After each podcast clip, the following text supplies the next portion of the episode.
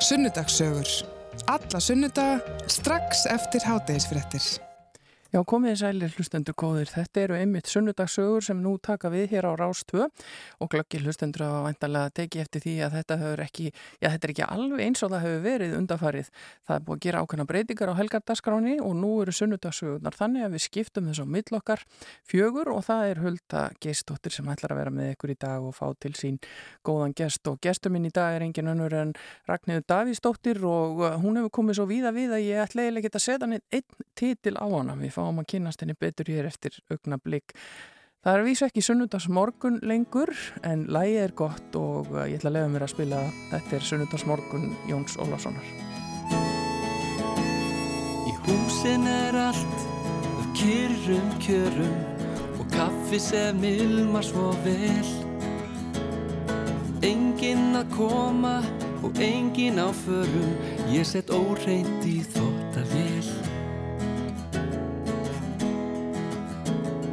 Kötturinn mættur að kíkja á glöggan Kauði að tjekka á læðinni. Svo skrýður hann aftur beint inn í skuggan Og ég sleppi skamaræðunni Það er sunnudags morgun Og sólinn hún situr við borðið. Sunnudags morgun og allir sem sofa nema þú og ég. Sunnudags morgun og sólinn hún situr við borðið svo indistleg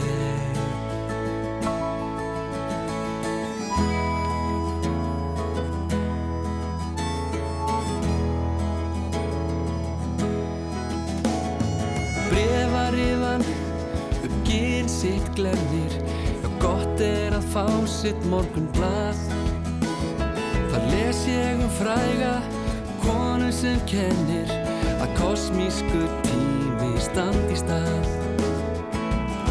En nú er sunnudags morgun Og sólinn hún situr við borðið. Sunnudags morgun Og allir sem sofa nema Þú og ég. Sunnudags morgun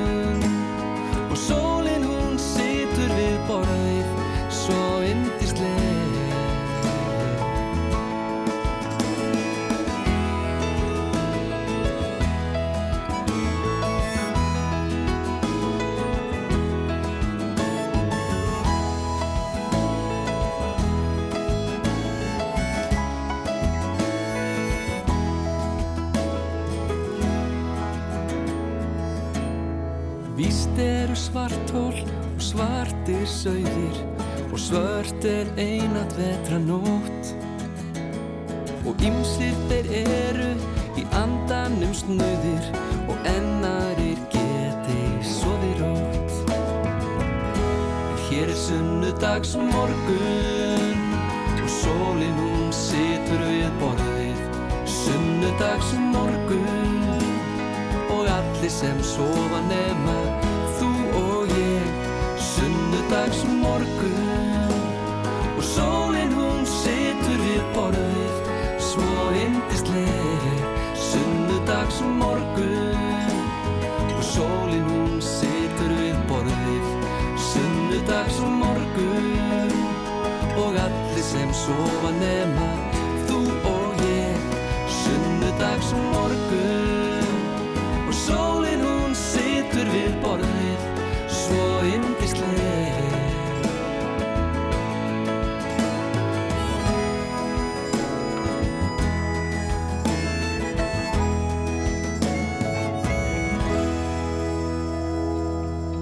Þú ert að hlusta á sunnudagssögur. Alla sunnudaga klukkan 12.40 á Rástvö.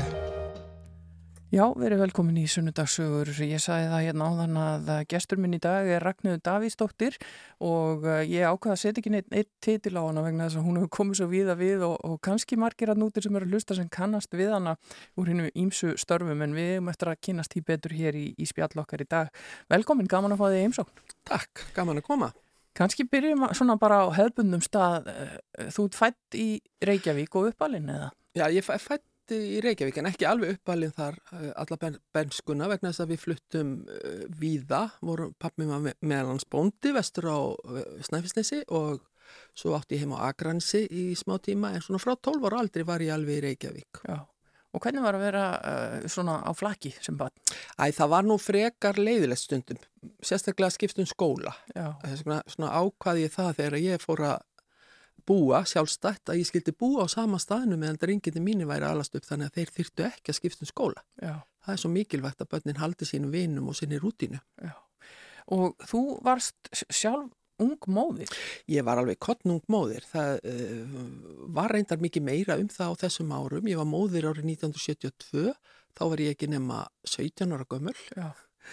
Kynntist manninu mínum hvað ári fyrr, einu hálfu ári fyrr og uh, þetta náttúrulega setti allt úr skorðum á þessum tíma. Ég uh, þurfti að hætta í skóla og, og uh, það var mjög erfitt að, að, að ég áttaði mikið á því hversu erfitt það var fyrir en að ég heila stóð frammi fyrir staðreindunum að ég var honin móðir Já. 17 ára gömul og, og ómentuð og, og allt það. Þannig að þá kom inn í lífi mitt eh, kona sem var mikill örlagavaldur í lífi minni. Hún Eh, heitir Vigdís Fimboðdóttir og það kannast allir við hana. Mm -hmm. Hún var þá nýjórðin móðir, lítillar stúlku og var eh, nýráðin leikustjóri og ég man hún auglisti eftir ráðskona á skast til að hugsa um lítið barn og heimili. Best væri ef hún væri með barn með sér.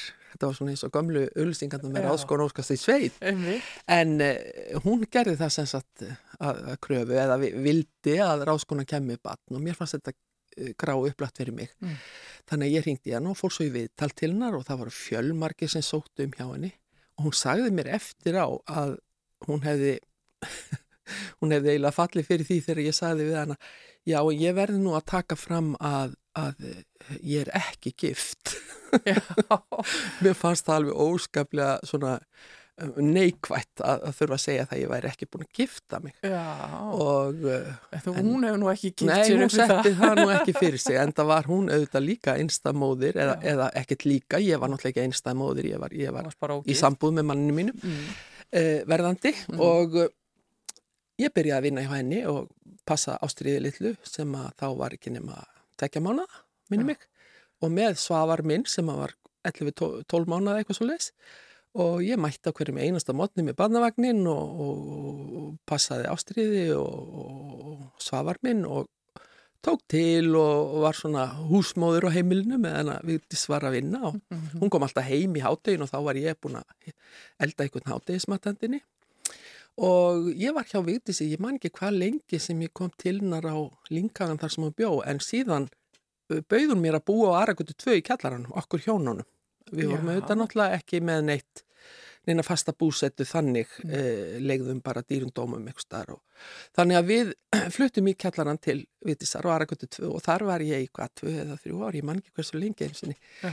og mamma hennar var þá háöldruð á, á efrihæðinni, frú Sigríður Eirífsdóttir sem hafði gríðarlega áhrif á mig því að hún var alveg óskaplega skemmtileg kona. Já.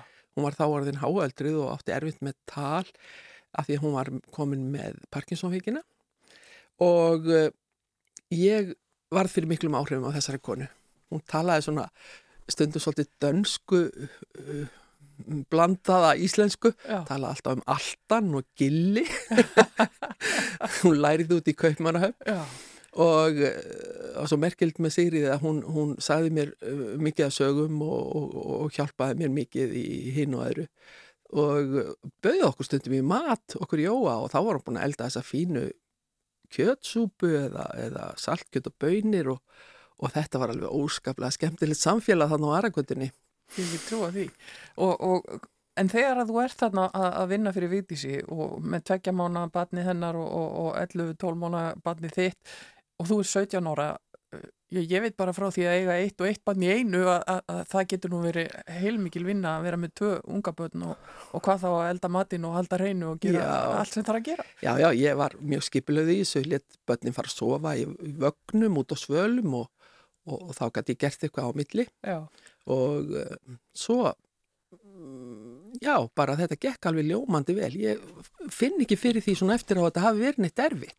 nei, Einhvern veginn, uh, einhvern veginn bara, já, ég, ég gæti ekki séð það. Ég reyndar ég er alveg sammálaður því að ég myndi ekki treysta 17 ára batni fyrir tveimur uh, litlum börnum í dag. einhvern veginn var maður lífsreyndar á þessum tíma. Ég var ánáttúrulega mörg sískinni, Já. yngri sískinni og, og var vön að hugsa um börn og var náttúrulega eins og þá tíðgæðist þegar ég var batn og unglingur þá var maður ráðin í vist til að passa börn þannig að ég var alveg ágætlega undir þetta búin. Já, þú varst alveg, alveg tilbúin í þetta. Já, já, já. já. Og, og hvað, eh, hvernig voru samskipti ykkar Vigdísar? Urðu þið nánar eða var alltaf svona yfirmaður, undirmaður stemming? Nei, nei, nei, nei, nei. All- Allir sem þekkja Vigdísi vita hvernig hún er. Hún er náttúrulega eins alþýlu eins og mest getur orðið Já, og hún talaði alltaf við mig á jafningengrundvilli og ég var auðvitað þarna eins og ég sagði þér áðan hætt í skóla og talaði stundu svolítið vittlust, var svona með þáfallssíki og sagði mér langar og honum langar og eitthvað svona. Já, og Vigdís var alveg um, óskaplega duglega við að leiðrétta mig. Salta, rannsið mín, við segjum ég hlakka til. Og, og þetta fór svona pínlítið töðnar á mér til að byrja með en eftir á þakka ég henni kærlega fyrir og finnst dásalegt að hún hafi leiðrétt mér svona vel og ég ger þetta sjálf Mm. mörgum til leiðinda að leiðrétta fólk þegar að tala vitlu, sérstaklega börn og unglinga Já. og hún var, henni var óskaplega andum að ég myndi læra meira. Hún vissi náttúrulega að þetta var ekki framtíð að starfa að vinna hjá henni og hún kvatti mig til að fara í öldungadeild mentaskólans við Hamralíf og ég saði henni, já ég, ég á engan pening fyrir því, það kostar. Þá reyfur hún upp ávísana heftið og borgaði fyrir mig í mentaskóla við Hamralíf. Já, Hún var ekki að setja það fyrir sig. Nei, og, og, og ég fór þangað og hún satt stundum yfir mig fram á nótt að kenna mér sko setningafræði og, og orflokka og, guðmávita hvað og Íslendingasögurnar og sem hún þekkti náttúrulega út og inn. Já, þannig að hún var alveg um, óskaplega duglega við að hjálpa mér og ég er enn alveg eiliflega þakklátt fyrir það. já. Svo setna mér þegar þegar uh, ég var farin að búa og við vorum búin að kaupa okkar eigin íbúða þá, þá náttúrulega skammi síðar fór Vigdís í frambóð og uh, mér fannst þetta óskaplega merkilegt og fór með henni stundum í einhverja, einhverja kostningaferðir. Ég var náttúrulega ofta að passa ástriðið meðan hún var á kostningaferðum og eitthvað svo leist. Mm. En ég fór með henni einu sinni í kostningaferð upp á Akranis og það er eiginlega dálítið fyndið að segja frá því, ég verði eiginlega að segja frá því Já, þá með, fórum við með Akraborginni og í för með okkur var Kjartan Ragnarsson ef ég maður rétt leikari og það eru þarna fullorði hjón um borð, virðuleg og eftir á fekk ég að vita að það var Sigurður mann ekki hvað svona hann var og hann var óperusöngvari og konan hans. Og uh, við förum eitthvað að spjalla og þau segjast vera að fara upp í Borganes þá rýf ég upp eitthvað óskupa bæklingum og segi hann, já, þú ætti nú að taka þessa bæklinga fyrir hann að viti sig og, og ef þú getur og, og, og dre, dre, skil, skil, getur skilið og eftir í borganesi kom svo í ljósa þetta fólk var að vinna fyrir mótframbjóðu vitisar ég man ekki hver það var, ég held að það hafi verið neða, ég man ekki hver en tóku þau bæklingar? tóku bæklingana og ég man að kjartan leita á mig alveg ógulega skrítin á svipin og ég vissi ekki af þessu fyrir löngu eftir að ég hitti kjartan og hann saði mig frá þessu og ég gæti nú ekki annað hlegið eftir á að hittja sko. af því að kappið var svo mikið að að kynna viktísi sem víðast Já, og svo þegar ég var byrjuð í löggunni, ég var nú í löggunni þegar þetta var ef ég mann rétt, Mm. 1980, já og þá var ég að dreifa þess út um alla lauruglustöð og, og, og hvetja fólk til þess að, í fyrsta legi til að skrifa undir meðmálalista og löggan var nú ekkert alveg agalega hrifin af því sko það var kannski það var Ah, ekki já, alveg ekki Mátt ekki alveg vera þar innan hús með, með kostninga áraður Nei, en ég gerði það nú samt enga síður. En Já. svona, uh, svo ég hverfi nú aftur af því sem ég byrjaði að tala um að Vigdís var mér mikil velgjörða kona og, og eiginlega hvatti mig áfram í að fara í nám og vera sjálfstæð Mm. Og uh, sem ég hefði vantanlega ekki gert þá fyrir lungu, lungu setna ef hún hefði ekki verið svona ákveðin í að, að íta mér áfram Mm. og, og hjálpa mér að, að læra því að ég var náttúrulega, já, já þetta var auðvitað erfitt að vera í námi og, og, og með heimili og allt það en, en síðan höfum við alltaf haldið sambandi og, og, og enn þann dag í dag og, og hérna og ég held miklu sambandi við Ástriði dóttur hennar sem á fullt af börnum og, og hérna hún er náttúrulega var svona svolítið svo uppeldisdóttir mín til Já. að byrja með. þannig að þú átt svona kannski svona, svona smá amma hjá henni líka Já, ég svolítið sko á svolítið mikið í henni Já. þannig að þetta var óskaplega góður skóli. Já, og var þetta langur tími? Varstu þarna í mörg ár? Ég, ég minnir að ég hafi búið á Aragötunni í, alltaf hafi ekki verið uh, þrjú ár eitthvað svo les. Mm. Svo ákvaði ég að fara í lögguna, sækjum í löggunni, 76 og þá skrifaði Vigdís fyrir mig alveg dásanlegt meðmálabref og sem ég held að hafi bara... Uh, það hefur bara haft sitt að segja vegna þess að ég var ráðin í laurugluna með enga meldun fasta þá því ég var að læra. Og uh, eftir ég byrjaði í lauruglun þá var ég ekki aldrei skilur við vitísi því að ég var allstaðar þar sem hún kom fram vegna þess að Sigurjón þáverandi lauruglustjóri hann, hann var nú það jafnreitt sinnaður að hann vildi að kona væri eitthvað staðar þar sem að vitís var. Og, mm. og hún er við þykir alveg sérstaklega væntu myndina sem að tekin er þegar Vigdís er að ganga inn í domkirkjuna uh, og við stöndum þar í, í dýrónum, ég og, og annar löglumadur og gefum honor. Og þessi mynd held ég hafi farið út um alla heimsbyðina og, og, og hérna við ekki mjög væntum hana. En ég var yfirlega sendt þar sem að voru ofinbæra veistlur eða fósittin að taka á móti einhverju trúnaðabrið eða eitthvað á bestastöðum og þá fóru við eh, oft tvö, kona og, kallmaður, lörglumenn og ég man einu sinni eh, sem oftar eftir því að við stó, áttum að standa í dyrunu þegar, þegar sendi herran og, og einhver með honum komið þarna. Og, og ég var náttúrulega svo heima og bestastöðum að ég var bara komin hann inn á bakvið og farin að þykja kaff og kökur hjá ráðskoninni og við sátum þar einhver tíman og þá, þá kallaði ákur bílin er að koma, bílin er að koma. Og og þá hefðu við eitthvað misreikna tíman Já. og ég var ekki komið fram í dyr eða við þegar, þegar hérna utaríksræðara sem þá var Ólafur Jóhansson ef, ef ég mann rétt. Og ég vissi ekki hvað ég átt að gera því ég, ég mjögst þetta alveg agalegt að breyða svona skildu mínum þannig að ég ákveði að segja bara í kvelli já ég verð nú bara viðkynna það að við bara sváfum á verðinum og ég byrði ykkur innlega afsökunar því. Og klappaði Ólafi mér og Öxlun og sagði það er nú ekkert mál elskan mín. Indall og ljúfur. Meira segja að löggan mótti gera mistök. Já, já, já, já. En af hverju sóttur um í lauruglunni? Hva, hvað fannst þér heillandi við það? Ég veit það ekki, allir hafi ekki verið undir svolítið áhrifum frá Artrúði Kallstóttur sem er vinkona mín. Mm. Og uh, við spilum saman uh, eða réttar sitt ykkur lið í handbóltan mjög gamla dag, voru, ég var í Viking og hún var í Fram og við þekktumst ágætlega og, og, og hún var þá nýbyrjuð lörglunni.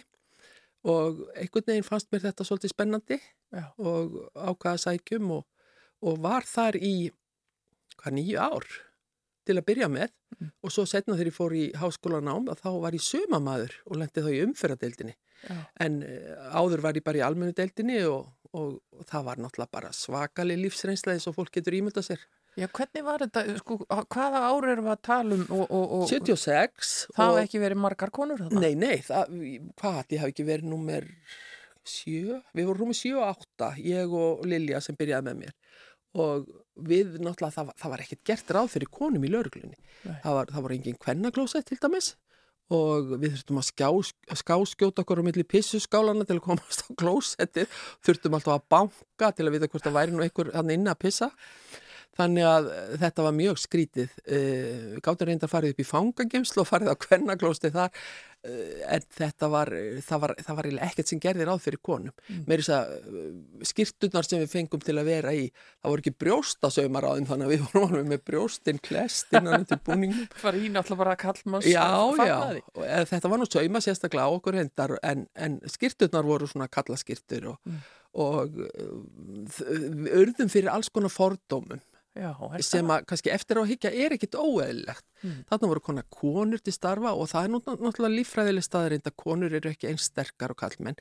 Þannig að strákarnir sem að unnu með okkur, þeir voru stundu svolítið smekir að vinna með konu eða þeir skildu lendi í einhverjum verulegum átökum og, mm. og slíku. Já. En ég heldur hafi nú verið fljóttir að sjá það að, að, að, að það gekk alveg upp vegna þess að það merkilega við þetta var og ég fullir í það að þegar við lendum í erfiðum tilfellum þar sem að voru brjálaðir kallmenn að slást eða e, eitthvað verulega mikið að gerast þá veigruðu kallmenn sér við því að, að, að hjóla í konu.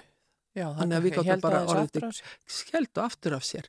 Og ég lendi auðvitað oft í verulegum átökum að einu svona nefnbrotnaði ég illa. Og uh, maður sem við, hann tókum fyrir bílþjófna, hann náði að sparka í andlita á mér. Aha og ég nefnbrotnaði en ég gerði nú gott úr því öllu sama því að ég fekk einhverja bætur frá ríkinu fyrir, fyrir vinnuslis og, og Jói gáttu farið í utalansferð út á nefið á mér þannig, að, að það var nú það fór nú alls saman vel sko. En e, það var kannski ekki það erfiðast að vera hrættur við eða taka þátt í ykkurum átökum. Það sem var erfiðast var auðvitað eins og allir tala um. Það voru mm, heimilis eh, ofbeldismálin sifjaspell og, og, og, og kynferðisofbeldi og annars líkt sem að fóru alveg hræðilega illa með okkur. Eins þeirra var ekki á lítil börn sem var miklu algengara þá heldur en í dag. Þess að þá voru börn alls staðar út að leika sér nú eru þau meira komin inn á leikskólana og, og, og, og þetta er bara allt öðruvísi umhverfi í dag. Já, þannig að það var gríðarlega erfitt og, Já. og, og þá var engin áfalla hjálp í löggunni. Við bara þurftum að gráta hann í kottan þegar við komum heim og, veittum hvort öðru áfalla hjálp á stöðinni sko. Já. Þetta voru hræðileg uh, tilfelli sem við þurftum að horfa upp á. En, en þetta auðvitað herti mann þegar frá leið og En ég áttaði mig fljótlega á því að, að hérna, þetta var ekki starf sem ég langaði til að gera að æfistarfi. Ég horfði upp á félaga mín í lörglun sem voru orðnir óskaplega þreyttir og lúnir eftir margra áratu og starf og illa farnir og líkam og sál Ja. og ég var alltaf með hugan annar staðar og þess vegna uh, var ég alltaf svona, uh, ég fór náttúrulega í lörgluskólan sem var náttúrulega óskup kannski ekki ómerkilegur, en hann var svona frekar litlar kröfur gerðar Já. Hvað voru þið að læra þar? Við vorum að læra fræði og hegningalög að einhverjum hluta og íslensku skýslugerð. Eh, Við fórum í æfingar út á Seltjarnanes eh, þar sem við vorum æfa eh, alls konar handtökur og, og sjálfsvörn og, Mm. og skotfimi.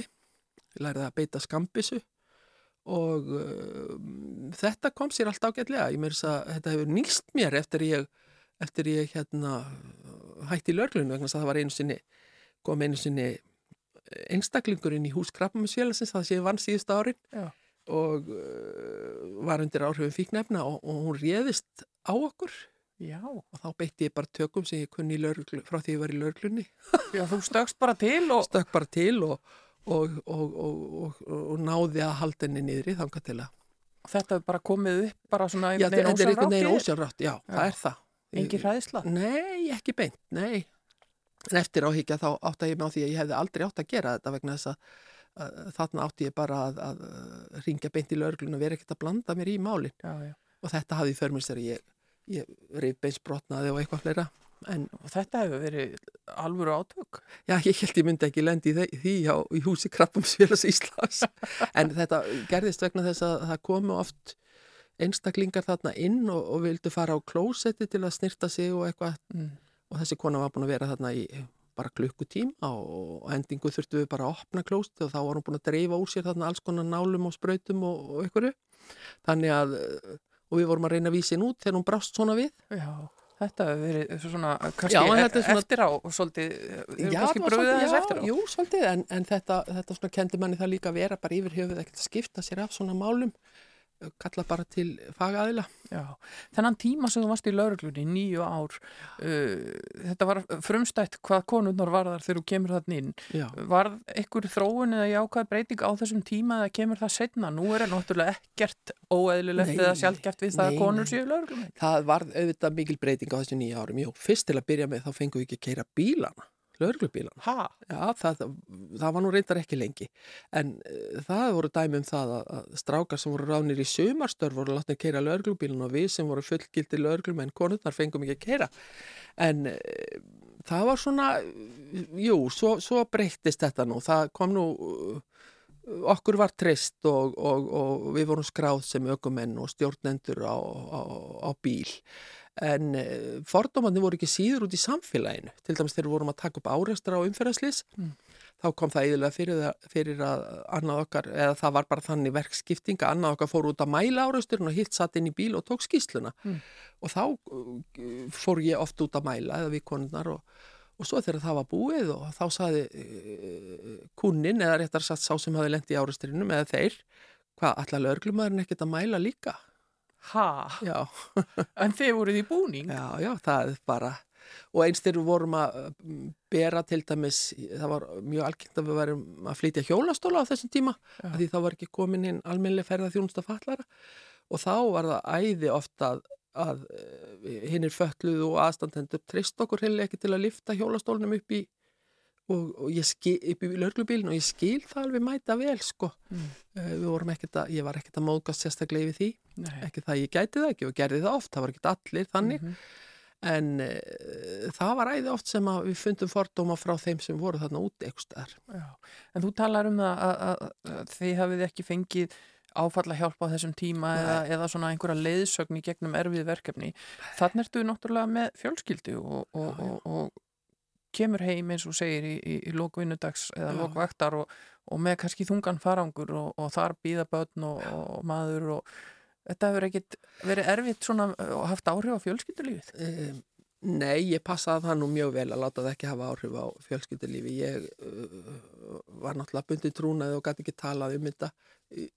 Braut þann trúnað nú oft svona á, á, á hjónasængskottanum Mm. og, og hérna, en uh, jú, þetta, þetta fylgdi mér. Sérstaklega mann ég eftir einu tilfelli þar sem að lítill drengur var fyrir bíl upp á Vesturlandsvegi. Uh, þá gat ég ekki verið á staðinum þá bara varði ég að fara heim og ég var að hugsa um þetta endalust ég gat ekki mætt í vinnunni, var svo hættum að lendi í öðru svona slisi Já. það var ekki fyrir hennar strákarnir tóku mig afsýðis vinnufélagarnir og síndu mig ljósmyndir af slisinu. Það var eins og ég þyrfti bara að klára það að sjá þetta, þetta var skrítið. Loka þessu eitthvað. lokaði sig einhvern veginn og þeir bara breyttu úr myndunum og, og pindu mig til að horfa á þetta. Og mér leiði mikið betur og eftir. Uh, en þetta kannski þetta slís og mörgunusslís urðu til þess að ég fór að skipta mér svona mikið af umferðarörgismálum og um, einhvern veginn rann mér blóðil til skildunar hvað það varðaði og við stopnum þarna áhuga hópum bæta umferðar menningu ég og nokkra leikonur og, og það var uh, mjög svona áhrifaríkt og ég var líka að vinna við þetta þegar ég var hjá Vís. Já, að búa til myndbönd. já, já, var þar sem öryggis og forvarnafyllur og var að búa til myndbönd og taka við til við foreldra og, og, og gerendur og þólendur og alla sem að komu að umfyrðarslýsunum, útfara stjóra lauruglumenn, uh, sjúkrarflutningamenn Já. og uh, fór með þetta í skólana, ringin í kringu landi, mentaskólana. Já, við hérna höldum áfram með þetta eftir smástund. Ég ætla að henda hérna nokkrum auðlýsingum í loftið og, og svo heyrum við eins og eitt lag og síðan höldum við áfram að spjalla við gest okkar í sunnundagsögum í dag sem er Ragnhjör Davíðsdóttir og uh, hún er búin að vera að spjalla hérna um tíma sinni í, í lauruglunni.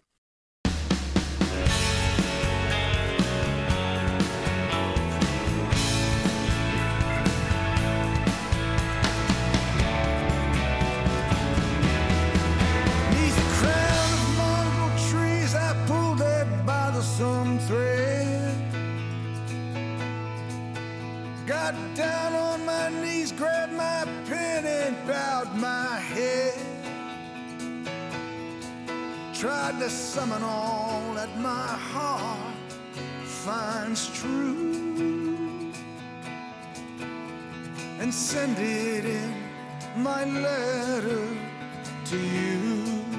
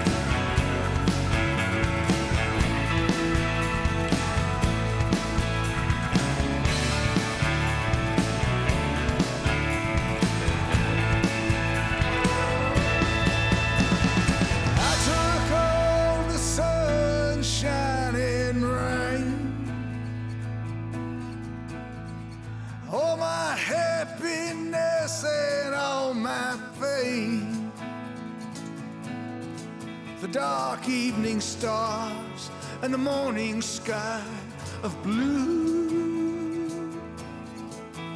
And I sent it in my letter to you. And I sent it in my letter to you. In my letter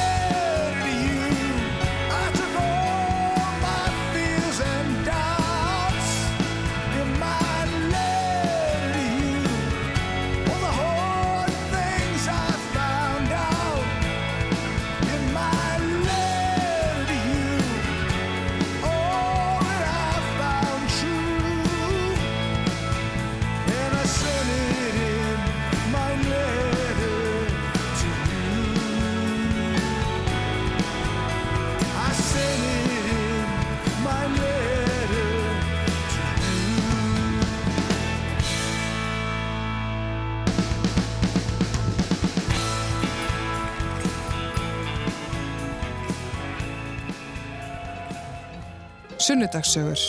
Alla sunnudaga frá 12.40 til 2. Já, við höldum áfram hér í sunnudagssögum. Það er Hulda Gestóttir sem stýrir sunnudagssögunum í dag og gestuminn í dag er uh, Ragnhildur Davíðsdóttir og við vorum hérna áðan, já, fyrir þá sem eru kannski að bætast í hópin og, og detta inn núna.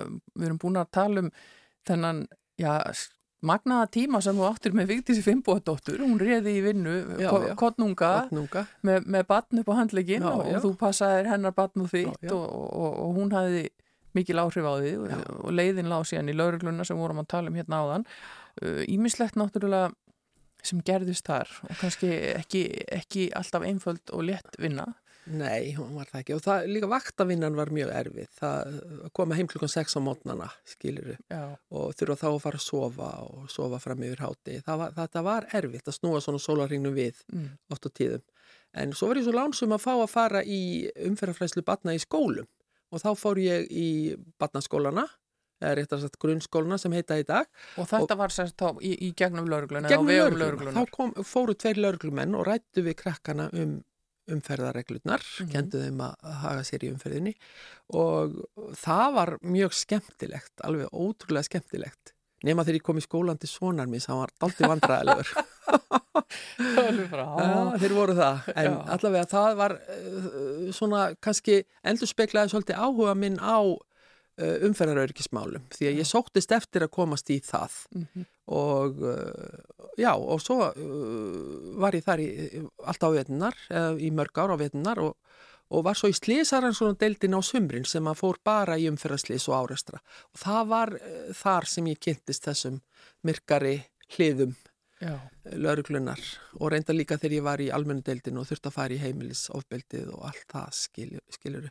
En, eh, en eins og ég segi, eftir að higgja var þetta bara gríðalega mikil og góð lífsreynsla vil ég meina vegna þess að, að það sem ekki brýtur þig, það herðir þig og það hefur gert það í mínu tilfelli. Þannig að þú hefur getað tekið út úr þessum tímaðinum í lauruglunni ímislegt já, sem hefur nýst þér í, Já, og í þarna- öðru. Þetta kynntist ég líka uh, uh, mjög skemmtilegu fólki, sérstaklega eldri mönnunum sem að voru margir hverjir alveg ótrúlega skemmtilegir og, og sögðu manni skemmtilega sögur. Já.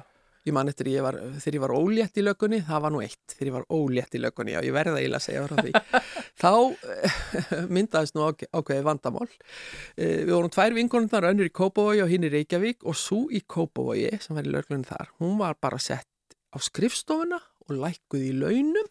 Hún bara að fara á, já, Já. feng, fekk enga aukavinnu og ekkert vaktála og ekki neitt og, og ég í, í Reykjavík var bara sett inn á fjarskiptamiðstöð, fekk þar mína uh, vaktavinnu eða sett vaktálag og aukavinnu og allt það. Uh, það var reynda svolítið vesinn sko í hverju uh, við ættum að vera. Ég fekk nú að vera bara í venjulegum fötum það var nú allt í leið með það. Já. en uh, þetta var eitthvað sem að yfirstjórn lögurklun hafði ekki átt að sjá hvernig þetta að höndla. Nei, En við uh, fórum bara, uh, ég var þá í la- stjórn landsambans lögreglumanna, náttúrulega þurfti alls þar að vera að skipta mér af, var í stjórn ein, fyrsta uh, konan sem að fór þangað inn. Og við bara fórum með þetta fyrir landsambandið að uh, tvær lögreglukonur, önnur í Kópavogi og hinn í Reykjavík þyrfti að, uh, að, að, að það væri svona ólí, uh, ólíkar aðstæður sem það þurfti að búa við, launalega sér og við fengum lögfræðing í málið á vegum landsambansins, Svölu Tollasíus, stóð eins og hetja. Mhm. Og uh, við unnum þetta mál, þetta fór reyndar aldrei fyrir domstóla vegna þess að þeir sáu sína sængu breyta hann í Kópavogi og borguðu uh, konunni þar Mm. þau það sem henni bar, nýju já. mánuði aftur í tíman Já. þannig að þetta fór aldrei lengra en ég held nú að þetta bröld okkar hafi orðið til þess að það hefur aldrei verið blakað við, við lauruglukonu eftir þetta sem hefur átt von á barni Nei. en það ætti það náttúrulega alls ekki að vera Nei, nei, nei, nei, alls ekki. en, en þetta var þetta var, það var svona ímislegt sem að var að brasi. Ég var í stjórn lauruglufélags Reykjavíku líka og við keftum eitt stykki félagsheimili hér upp í Brautarholti þá. Við kallarnir, ég og kallarnir í stjórninni keftum það og síðan, já, og svona margt skemmtilegt sem, sem að skeiði En hvað, var maður, hvað er að menna að gera með félagsheimili í lögreglunni? Já, þeir eru- Skemmtanir og... það, skemmtanir og fundir og ímislegt fleira og svo leiðar þetta út og, og það var gaman að, kaupa þetta hús og svo var farið í að, laga það og byggja orna á það og, og svona. Það er alltaf verið eitthvað, eitthvað mikið í gangi. En, Já, já. en uh, hvað var síðan til þess að, að, að þú vendir þínu kvæði í kross og kveður laurugluna og ferðin á allt annan starfsvettvang? Sko, þetta er, ég hef oft sagt að ég gerir hlutina stundum í öfuri röð. Uh, ég var ekki búin að klára háskólanám þarna á þessum tíma. Uh, fór reyndar í bladamennsku þegar ég hætti í löggunni, fór að vinna hjá Fróða, eða réttar að sagt frjálsu framtæki sem svo hétt Mm. og síðar Fróða og skrifaði þar uh, heilmikið í bara öll blöðin ímist í, fiskifréttir og sjáafréttir, nýtt líf og mannlíf og öll þessi blöð Já. fór mér einu sinni í róður með Þórunu Sveinsdóttur Vaffe og, og hérna Í, því fortfræga skipi? já og var bara hálf út um uh, ælandi uh, á, á, á, þilfarinu alla leðina og, og ég hef aldrei upplifað aðra skelvingu eins og að ljúka þeim túr Mm. Og svo fórum við ég og skipstjórun heim í eldús í honum og, og byggum til þess að fínu ferðasögu sem að byrtist í fiskifréttum ef ég mann rétt Og, og svo færður þið bara úr því og yfir svo- í nýtt líf? Já, já, svo var ég að tala um fjallum snirtuvörur í nýju lífi og, og tísku en uh, ég reyndar valdi mér svolítið verkefni sem að voru svona kannski svolítið félagslega, ef við getum orðað þannig ég skrifaði voða mikið um heilbriðismál, alls konar áfbeldi og, og, og svona já, barnavendamál og ímislegt fleira einhvern veginn svona fannst mér það mest aðkallandi að skrifa um það, þannig ég skrifaði þetta aldrei mikið mikið um það, enda, og líka fullt af viðtölum og öðru slíku. En þú hefur náttúrulega haft þarna ákveðna reynslu og einsýn í þennan heim eftir Já, lögreglustörfin. akkurat, gerði það sko og ég var þarna í nokkur ár en árið eh, 91 ef ég maður rétt, þá fór ég í háskóla til að fara í íslensku. Og uh, fór bara í fullt nám, fór úr ægilega fínu launum í null, gerðist bara fátakur námsmaður, sótt um námslán Já. og uh, skellti mér í íslensku. Er réttar sem fór fyrst í hagnýta fjölmiðlun og íslensku reyndar leiðinni kláraði diplómanám í hagnýtri fjölmiðlun og íslensku námi kláraði ég svo ekki fyrir en bara ný, 2013 ég svona hætti í því miðju bara út af svona um, fjáraslegum ástæðum en kláraði svo íslensku nári 2013 og fór þá í mestaranám í, í, í hérna rittstjórn og útgáfu. Já, og kláraði það held í tveimur án setna já, og er núna komin aftur í skóla. Þetta er magnað. En, en þú hefur aldrei látið það þá stoppa þig að því að stundum hugsa maður, sko, mann langar kannski að læra meira eða finnst þetta eða hitt áhugavert en jú, jú, maður er að borga á fastegnalánum og maður er að alveg börn og þetta er allt svolítið mikið mál og það er svolítið, það er svolítið meirinn að segja að taka svona skref. Þú hefur látið vaða. Já, ég gerði það. Ég, einhvern veginn, ég gæti ekki hugsað mér að vera ekki minn eina almennlega mentun og uh, ég var nú svo lánsum að ég var eina af þeim, eða við hjónin, vorum eina af þeim sem að uh, keiftum á verðbólgutímunum. Keiftum húsið okkar, gamalt hús nýr á Urðastík, þegar að verðbólgan geisaði, þannig að, að það er kannski ljótt að segja frá því, en svona var þetta. Við fengum húsið okkar nánast gefins, vegna þess að lánin urðaði engu. Já, þau voru ekki vertrið á þeim tíma þannig að það má kannski segja að þú talaður um að borga húsnæðislánum, að ég hafi verið komin svolítið fyrir vind þegar Mm. Já, ég fór í það. skólan með það og, og þannig að það var aldrei spurning. Maður minn var þá starfandi út á vinnumarkaðinum uh, og hann sá fyrir heimilinu á samt námslánunum mínum sem að ég var nú svo, reyndar svo heppin og voru ekki mjög há vegna þess að ég- var alltaf að vinna eitthvað með, skrifa viðtöl og ímislegt fleira, Mm. þannig ég fekk aldrei almennileg námslán sem ég þakka svo fyrir eftir á því að Já. margir er að borga námslána sín fram eftir öllu. Láttu mig það ekki það? Já, já, nákvæmlega. En, en þetta var, já, það, var ofbúslega gaman að koma inn í skól, Háskóla Íslands svona þegar maður komið til vitsu ára. Maður, maður, maður kann að læra, uh, maður hefur metnað og maður náttúrulega sætti sig aldrei við minnin átta í, í neinum prófum. Nei, nei. og uh, þetta var ólega gaman og, og það var svo skemmtilt hvernig maður passaði saman, eða eh, réttar sagt hvernig við unnum saman við sem eldri vorum og þau sem yngri voru. Þau höfðu allt aðra eiginleika heldur ég. Ég hafði lesið meir en þau hafði svona reynsluna, lífsreynsluna. Þau eftir voru alveg á kafi í öll, allri aðferðafræði í sambandi við rítgerðar smíðar og, og svona uh, alls konar tækni. Mhm. þannig að, uh, að vinna með þeim í hóp var mjög gaman. Já, og ég eignast þarna marga af mínum bestu vinnum í dag í Háskóla Íslands. Já. Og þau hafa tekið þér vel þó Þau- þú a- alveg reynd sko, það, ég fann aldrei fyrir neinum kynnslóðamun Mm.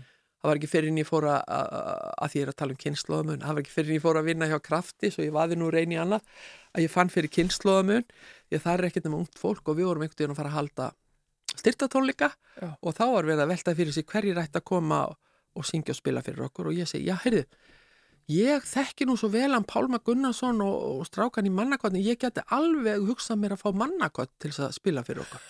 Og þá sögðu þau, manna hvað?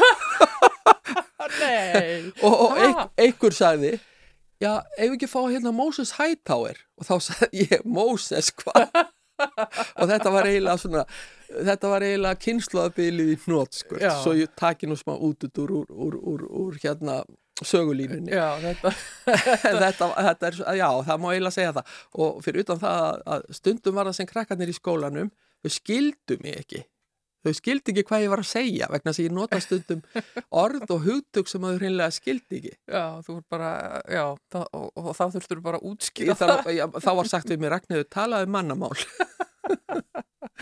Einhverju sinni var ég, voru við að halda ráðstöfni fyrir útlendinga uh, sem sagt fyrir svona sýsturfélagin á Norðurlöndunum og Sóleimum og þá uh, erum við að borða og við erum að býða eftir einum fyrirlesaranum. Og hann, hann heitir Magnús. og svo sé ég út um gluggan að Magnús er að renna í hlað.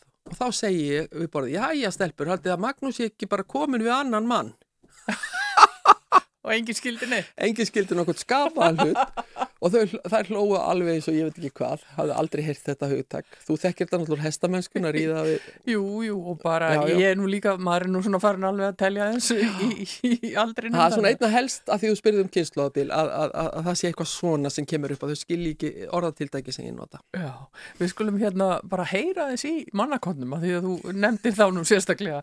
Þetta lag heitir Óra langt í burt.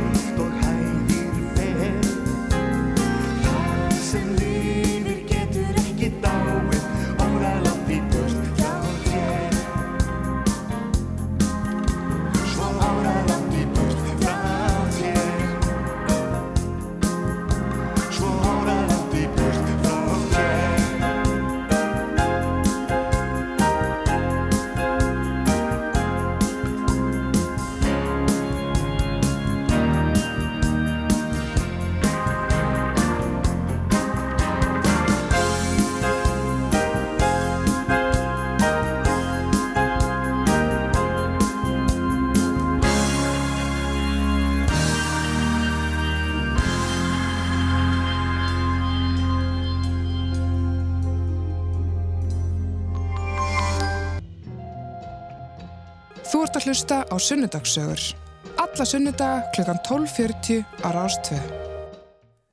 Já, áfram höldum við hér í sunnudagssögum. Það er Hulda Geistóttir sem stýrir þættinum í dag og uh, gestur minn er Ragnhildur Davísdóttir. Við erum búin að vera að spjalla um ímislegt svona sem að forvitnilegt sem hún hefur verið að gera í lífinu og til dæmis það að, að hætta í vinnunni og, og, og fara í skóla, orðin fullorðin manneskja.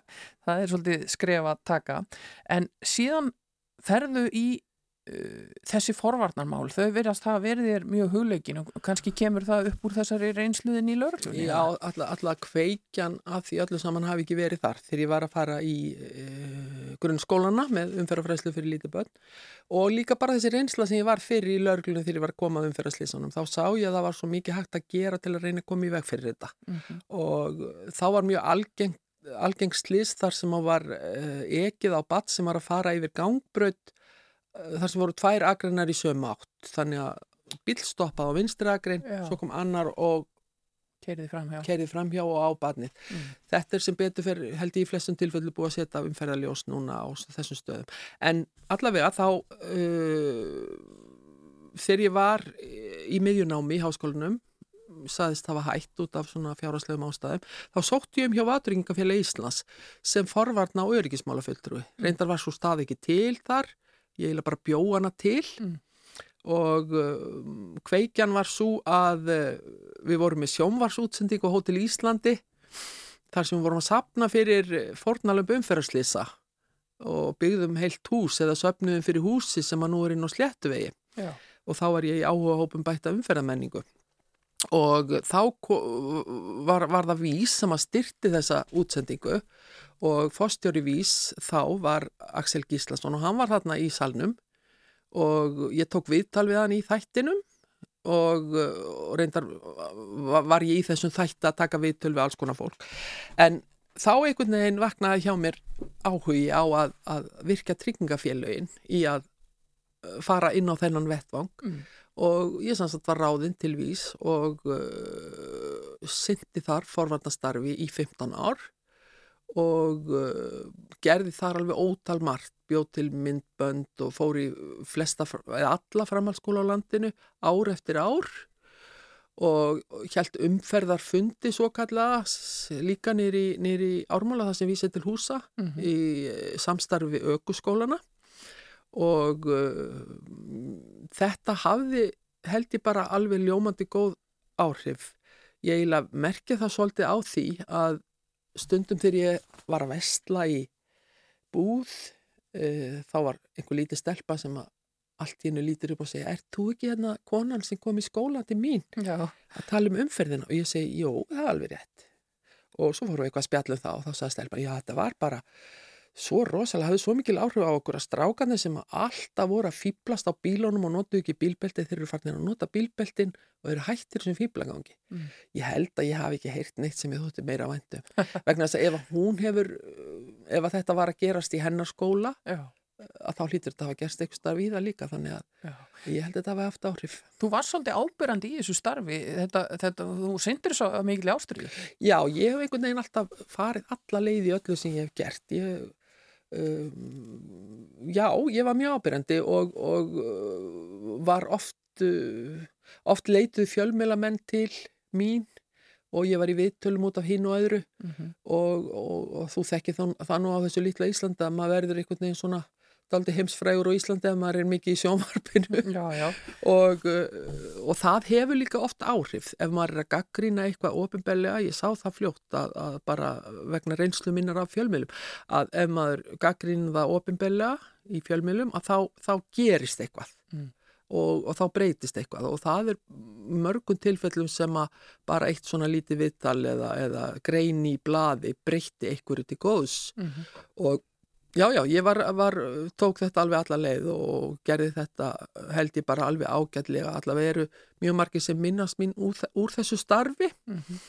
og, uh, og hérna, þetta var mjög gaman. Já. þetta var skemmtilegt. Vísi var náttúrulega langur, ég fældist mikið um landið og var á bílalegu bílum og var að fara yfir Ottskarðið og, og, og Breiðdalsheiðina í alls konar veðrum og, og, og, og stundum var það dálítið svakalett því að ég var alltaf á ferðin á veturna skilju, Já. ég var ekki á sumrin. Nei, og stundum var ég ægilega einmanna þegar ég var á einhverju litlu hótel eitthvað stort á landi alein og þannig að, að ég hef ekki gert mikið að því að, að, að, að vera á hótelum síðan. Ég fekk eiginlega hálger, hálger já, fekk eiginlega nóg af því. Bara gott að vera heima. en þetta var gefand og skemmtild og ég þekki hvern einasta framhaldsskóla á landinu þú getur spurt mig um þá alveg.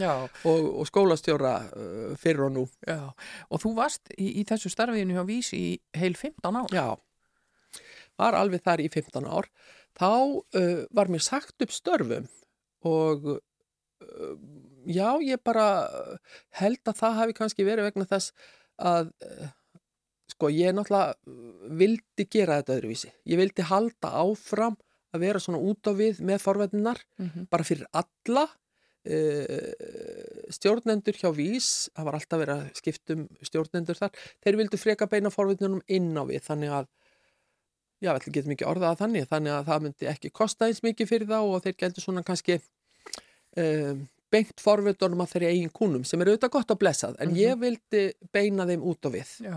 og vinna kannski að svipa um nótum og umferðarstofa Mm. skýriru Mhm. þannig að uh, okkar hugmyndir fóru ekki saman og, og ég hefði aldrei geta unn, unnið undir þessum formerkjum lengur. Þannig að kannski var vísa á undan að segja mér upp því að ég var eiginlega ákveðin í að hætta því ég Mhm. gat ekki, gat ekki gert þetta nema að fá að gera þetta með hjartanu og fara alla leið. Já, og gerir þetta með þínu lagi. Já, og, og það var svolítið áfall að hætta í, í, góðu starfi og allt það, en þá, eins og grípu öllugin í taumana, þá kláraði ég námið, Já, kláraði ég íslenskuna og, og, og meistaranámið og, og hérna, og síðan uh, þegar ég var alveg að ljúka því, þá, þá er auglist starf hjá krafti framkvæmtastjóri, framkvæmtastjóra staða. Mm. og ég þekkti náttúrulega ágætlega til krafts, eða réttar sagt ég þekkti, jú, ég þekkti bæði til krafts og krabbamins var vel inn í þessum krabbamins uh, geira, við getum orðað þannig já, vegna þess að ég hafði tekið viðtöl í þættina á allara vörum.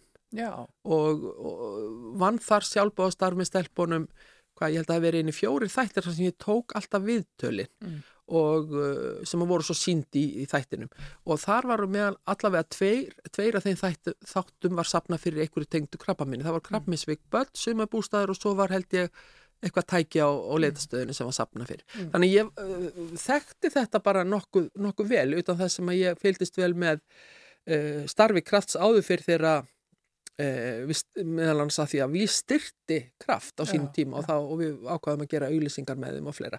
Var þetta starf bara auglýst? Það var bara auglýst Já. og það komið svo óvart að ég skildi veða ráðin því að það voru svo gríðarlega margir sem sótt um og það sýnir eiginlega bara hvað, hvað, hvað uh, unga fólki, því að það flestir hérna voru millir 20 og 30 í stjórn, hvað þau voru, ég veit ekki hvað ég á að segja, það- óhrætt við að velja fullátna konu, þá var ég 58 ára gömul ef ég maður rétt Já.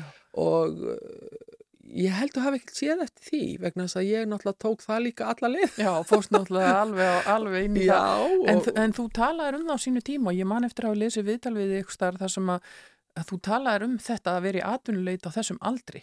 það er rosalega erfitt. Já, Og ég einhvern veginn sko, þegar ég hætti hjá Vís þá hugsaði með mér, já, já, ég verð ekki nokkrum vandræði með að fá vinnu. Og uh, það reyndist nú ekki alveg rétt vegna þess að ég sótt um fjölmörg störf, komst oft uh, nálagt uh, markmiðinu en aldrei alla leið. Og uh, ég held að það hefði fyrst og fremst verið aldurinn sem réði þar. Mm. Uh, ég, og líka, og, og ég held að ég leifi mér að segja það hér og nú, uh, hvort sem fólk er sammálu mér eða ekki ég held að sé eitru blanda að vera kona uh, vera komin yfir miðan aldur og vera með þekkt nafn mm. það er slæmt mál til að sækja um stöðu skal ég segja þér Mm. og, og ég getur aukstuta með því að margar af mínum vinkonum uh, og vinum hafa eh, verið að sækja um endalust fólk sem er með svona þekkt nöfn og komið við miðan aldur. Það er eins og sé ykkur ótti við að ráða fólk sem er og ég tala nú kannski ekki sko, fólk sem er komið við miðan aldur og ég tala nú ekki kannski um ef að, ef að fólk hefur kannski látið eitthvað að sér kveða og verið svolítið afgerandi Mm eitthvað pínulítill ótti vil leifi ég mér að segja vegna þess að stjórnendur í dag eru voða mikið svona Vilja er frekar eitthvað unga sem geta mótað svolítið? já, geta mótað og þá ég vil kannski borga læri laun og eitthvað svona sko. Mm. en þetta reyndist ekki léttverk skal ég segja þér. Nei. og þá ákvaði ég bara að skella mér í skólan ekkert um annað að ræða. Og uh, kláraði það og síðan vann ég í sex ár hjá krafti og það voru indisleg ár, Já. alveg indisleg þetta unga fólk er alveg dásanlegt þau voru svo, þau voru svo uh, hugrakk og, og djörf. Það var ekkert sem að ógst þeim í augum. Já já við höldum uh, tónleika í hörpunni bara. Og, og, og við perlum arbönd í hörpunni og, og fáum fossetan til að koma. Og, og ég hugsa með, nei, stelpur þið getið þetta, halló. En þetta gekk allt saman eftir. já, Fylltum hörpuna á tónleikonum, fylltum hörpuna í, í arbandagerðinni og uh, þetta einhvern veginn sko, uh, þessi, þessi, um, þessi, þessi mikli áhugið þeirra, að hann smitaði svo út frá sér, þau voru svo ofsalega þeir eru svo klárið þessi krakkar. Það er alveg með ólíkinn ég vil nú ekki kalla þau krakka, þetta var ungt fólk. Og, uh, og þetta var sko, það er kannski, kannski asnald að segja það að það hafi verið skemmtilegt að vinna hjá félagi sem að uh, berst fyrir hagsmunumálum úns fólk sem að greinst hefur með krabbaminn og aðstandandu þess. Mm. en það var alltaf gaman. Mhm. og auðvitað komu tímar sem voru mjög erfiðir. Og sérstaklega þegar að einstaklingar dóu sem að hafðu verið mjög nánir okkur í krafti já, eh, sem hafðu unni mikið með okkur það var mjög erfitt að, að, fylgja þeim til grafar og horfa á eftir þeim. En eh, eftir á að higgja þá átta ég mig á því að það voru ekkert rosalega margir sem dóu. Nei, ótrúlegt en satt.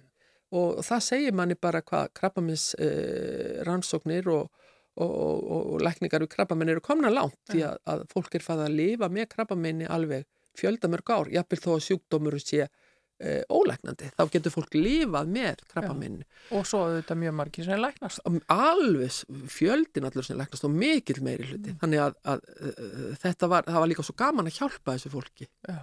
við vorum með neyðasjóð og við vorum með alls konar sem að við vorum að gera með þeim. Þannig að þetta, var, þetta voru sex indislega ár, svo ákvað ég bara að hætta á ákveðinu tímapunkti til þess að, að þegar ég fór að fá hérna, lífeyriskreislur, 65 ára, þá fannst mér bara tími til að hætta og fara að snúa mér öðru og, uh, og þú spyrði ábyggilega hverju fórst að snúa þér að þá, sem alltaf hefur verið svona upptekinn.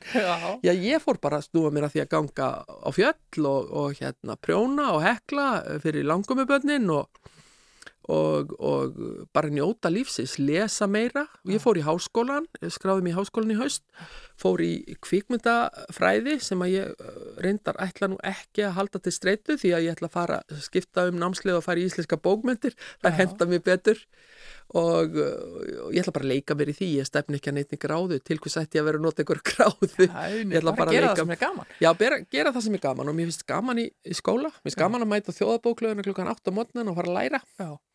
Og, og sinna því. sinna því. Ég ætla að spyrja þið aðeins áður en í kveði hérna eftir út í fjölskylduna þína og, og ég ætla að byrja því að spila lag með stúlku sem að tengist þér ansi mikið.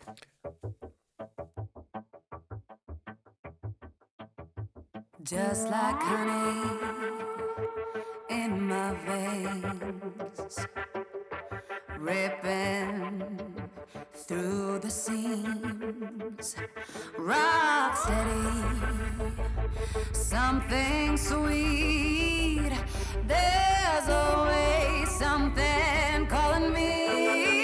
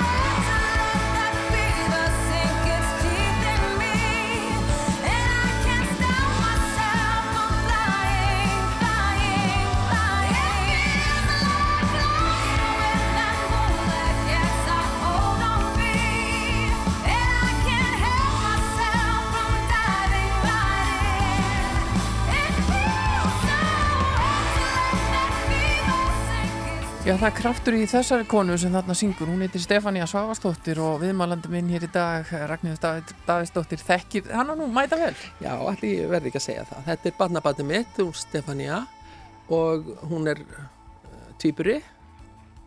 Uh, þær eru 28 ára gamlar, tvíburarnir Já. og eiga báðar vona á barni núna. Stefania gerði mér reyndar að langömu fyrir tveimur árum Já. en uh, núna í byrjun desember ætla þær sýsturnar, tvíburarnir, að fæða ég er nánast upp á dag, sama dag. Stelpu og strák. Þannig að þá er ég orðin þreföld langama. Já, og uh, ég er náttúrulega óskaplega stolt af Stefaníu minni, hún hefur uh, heldur betur glatt uh, ömmu hjartað í gegnum tíðina og oft sungið fyrir kraft á alls konar samkomum og, og í sjómarsútsendingu sem ég hef dreigið hann inn í hjá, hjá á allra vörum og svona ímislegt en hún er náttúrulega bara æðislega sönguna en hún er ekki síður bara dásamlegt eintak af mannesku já. og þær báðar tvíburarnir. Svo á ég reynda þrjú önnur barnaböld Mm og uh, svona nokkur ská barnaböld. já. Þannig að þetta er svona svolítið stór hópur Já, já, þetta er svolítið stór hópur sko. Já, já. og þú nýtur þess að vera í Ég, ömmunuturkinu. ég finnst það voða gaman sko en, en hérna, ég hafði ekkert voða mikið vita að ég vera amma þegar þær fættust því þá var ég ekki nema 37 ára.